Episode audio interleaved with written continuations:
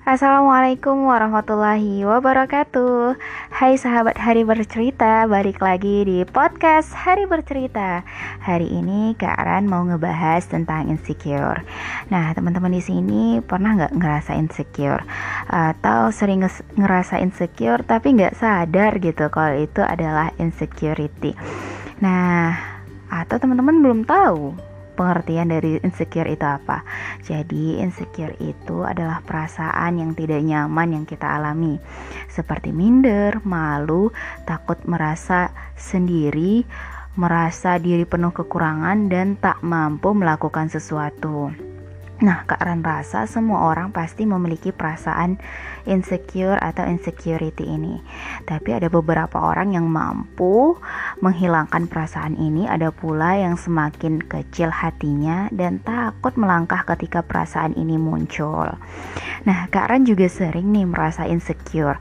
Misal, ada perasaan takut salah ketika berbicara di suatu forum atau merasa terasingkan dalam lingkaran pertemanan atau lingkungan baru atau ini nih masalah body shaming suka insecure tuh ketika dibilang eh Ran kok kamu gendutan ya? Ih sehingga Karan tuh jadi malas ketemu orang lain. Kadangkala gitu insecure ini lama kelamaan bisa menjadi penyakit mental jika kita tidak menanganinya dengan baik. Atau orang yang mengemban insecurity ini tidak segera ya menceritakan masalah-masalah yang dialaminya kepada orang yang dia percayai. Nah, kira-kira nih ya, apa saja sih gejala insecure itu? Mungkin selama ini kita merasa, oh kok aku biasa-biasa aja, tapi ada perasaan-perasaan yang tidak nyaman pada diri sendiri. Nah, ini Kak, Karen akan share nih beberapa uh, tanda-tanda uh, kita terkena insecure. Yang pertama nih ya, uh, memandang diri lebih rendah. Nah, namanya manusia suka gitu ya ketemu orang yang dianggap tanda kutip ya tinggi derajatnya atau lebih sukses atau bahkan lebih cantik suka minder. Memandang diri lebih rendah padahal semua orang sama kok di mata Tuhan. Di mata Allah yang maha kuasa yang membedakan hanya amalan kita ya kan? Nah kadang manusia tuh suka gitu tuh. Suka dengan komentar-komentar manusia. Ih padahal komentar manusia itu semu ya kan? Hari ini dipuji besok udah lupa gitu. Nah yang kedua menghindari berinteraksi dengan orang lain. Ya gitu, kalau kita sudah merasa diri lebih rendah, kita akan malas berinteraksi dengan orang lain. Semakin merasa diri bukan apa-apa gitu ya. Kita mulai insecure dengan pernyataan per pertanyaan-pertanyaan orang lain gitu. Misalnya nih ditanya ya, kapan wisuda? Hmm, kapan nikah atau segudang kapan-kapan lainnya yang semakin buat enek untuk ketemu orang lain. Yang ketiga ya, sering membandingkan diri dengan orang lain.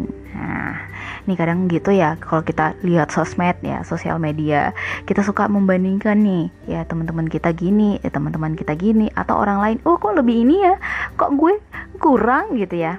Nah, suka iri gitu ya dengan teman-teman kita. Misalnya di kampus nih ya dia berprestasi uh, kemudian bagus dalam pekerjaannya. Ketika selesai kuliah uh, menemukan pekerjaan yang cocok dan punya penghasilan yang tinggi misalnya. Atau langsung menemukan jodoh idaman gitu ya sedangkan kita masih terpaku dengan rutinitas yang membosankan atau masih belum menemukan apa-apa dalam hidup kita.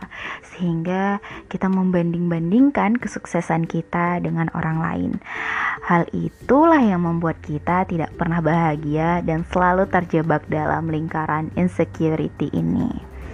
Nah kemudian yang keempat ya memiliki ketakutan dan khawatir berlebihan. Nah, inilah tahapan insekuritas paling tinggi.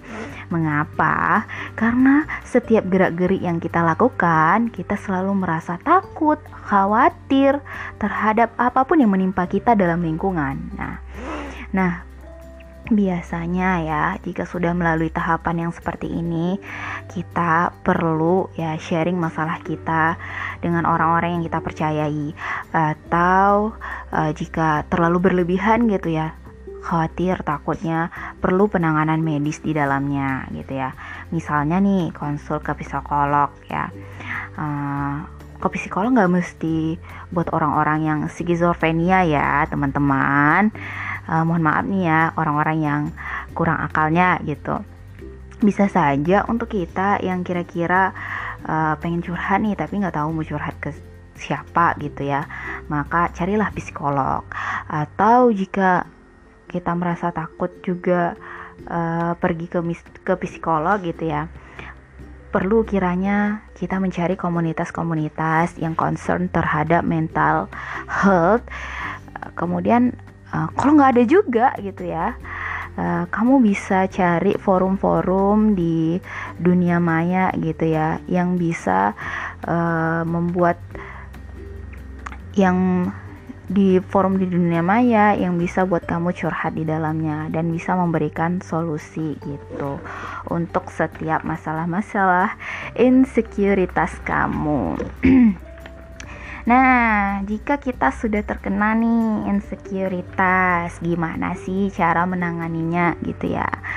Uh, kalau kita nggak mau nih ke psikolog, terus uh, kita malu nih untuk cerita ke siapa pun. Yang pertama adalah hamparkan sajadahmu kemudian minta petunjuk kepada Allah ya kan. Kemudian kita melakukan self healing ya, perbaikan untuk diri kita sendiri. Nah, Kak punya nih beberapa tips yang bisa kita lakukan untuk self healing gitu ya. Yang pertama itu mulailah untuk menerima dirimu sendiri ya. Kita harus yakin setiap manusia memiliki kelebihan dan kekurangannya masing-masing. Di hari ini mungkin lebih sukses daripada kamu, tapi kamu harus yakin bahwa kamu juga akan sukses pada waktu yang tepat. Berusaha untuk tidak mengukur orang lain tapi takarlah dirimu sendiri. Kemudian perbaiki hingga berdikari dengan cara sendiri. Legowolah dengan perihal dunia, yakinlah masalah yang kamu terima, kamu akan pasti sanggup melaluinya. Ya, jadi saran Kak Ran, kuy kita sama-sama ya berusaha untuk menerima diri kita sendiri. Katakan pada diri kita sendiri, Wahai diri, aku menerima setiap kekurangan dan kelebihan kamu. Iya, yeah, masya Allah ya dan terus berupaya dalam memperbaiki diri agar pantas sukses baik di dunia maupun di akhirat. Nah, kemudian yang selanjutnya nih ya, tidak membandingkan diri dengan orang lain ya. Perasaan minder ini kadang kala hadir ketika kita bercermin pada orang lain bahwa suksesnya seseorang haruslah seperti ini dan ini. Padahal suksesnya seseorang taklah berdefinisi seperti pencapaian orang lain ya orang lain bolehlah dijadikan referensi namun tidak jadi pembanding diri ya jadi Kak Ran teringat nih ya kisah uh, seorang sahabat Rasulullah Zaid bin Sabit mungkin teman-teman sudah pernah mendengar nih kisah dari seorang sahabat Rasulullah yang masya Allah cerdas sekali gitu ya. Jadi Zaid bin Sabit dan lima orang temannya datang menemui Rasulullah. Waktu itu mereka masih kanak-kanak ya, usianya sekitar hmm, 10 sampai 12 tahun gitu. Mereka datang menemui Rasulullah untuk diizinkan berperang. Kalau tidak salah, perangnya perang Uhud deh.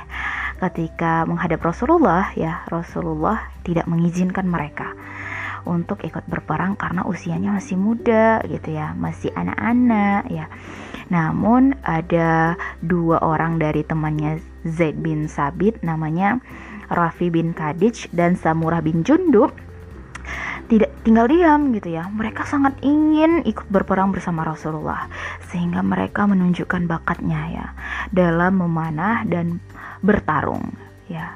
Hingga akhirnya Rasulullah pun tersenyum dan hmm, bilang ke mereka nih, "Wahai Rafi dan Samurah kamu boleh ikut berperang ya nah kemudian mereka berbangga. Wah alhamdulillah aku ikut berperang bersama Rasulullah. Kemudian Zaid bin Sabit dan tiga temannya ya apakah mereka merasa minder gitu ya? Karena waktu itu tidak menunjukkan apa pun kepada Rasulullah ya. Atau mereka merasa iri dengki gitu ya terhadap sahabatnya ya nah ternyata sebaliknya ya mereka menerima keputusan Rasulullah seraya berdoa gitu ya kepada Allah semoga Rasulullah ikut uh, mengajaknya dalam peperangan selanjutnya. Ya, ternyata Rasul yang Maha Mulia ya tahu sebenarnya bakat Zaid bin Sabit uh, berbakat dalam tulis menulis dan berbahasa. Karena pada waktu itu uh, bangsa Arab ya belum banyak warga Mekah uh, da warga Mekah yang bisa uh, membaca dan menulis. Nah, mulailah nih Rasulullah memberikan amanah kepada Zaid bin Sabit untuk belajar berbagai bahasa dan menulis surat untuk uh, para pemimpin berbagai dunia gitu ya. Ternyata bentuk kontribusi Zaid bin Sabit tidak melulu soal berperang, namun bisa berbentuk lain. Bahkan Al-Quran yang ada di tangan kita adalah hasil jeripayah dari Zaid bin Sabit dalam mengumpulkan mus'ab-mus'af, kemudian dibukukan menjadi sebuah Al-Quran yang kita pegang setiap harinya. Nah, ternyata gitu ya. Kita punya bakat masing-masing dan kita tidak boleh membandingkan. Nah, gitu ya. Kita nggak boleh membandingkan kemampuan diri kita atau pencapaian kita terhadap orang lain gitu. Kemudian yang selanjutnya nih ya, belajarlah untuk berkata positif pada diri sendiri ya. Kuilah mulai hari ini Nah, akuilah mulai hari ini, di jam ini, di detik ini, katakan pada diri sendiri, kamu itu hebat. Terima kasih diri telah membersamai setiap langkah hari ini. Semoga esok kamu lebih hebat dari hari ini. Nah, selalulah berkata positif pada diri sendiri, baik setiap pagi maupun ketika akan tidur. Insya Allah, hal-hal positif akan membersamai hari-hari kita. Ketika ucapan ini sering kita lontarkan pada diri sendiri, maka alam bawah sadar kita akan merespon dan membuat perasaan nyaman pada diri kita, sehingga insya Allah hari-hari kita akan bahagia setiap hari. Nah, kemudian yang selanjutnya nih ya, optimis di segala kesempatan. Ketika kita mendapatkan kesempatan nih ya untuk aktualisasi diri, maka jangan buru-buru insecure gitu ya, merasa duh rendah diri gitu ya, aku nggak mampu gitu ya tapi terima lalu buktikan yang terbaik. Optimislah pasti akan berhasil.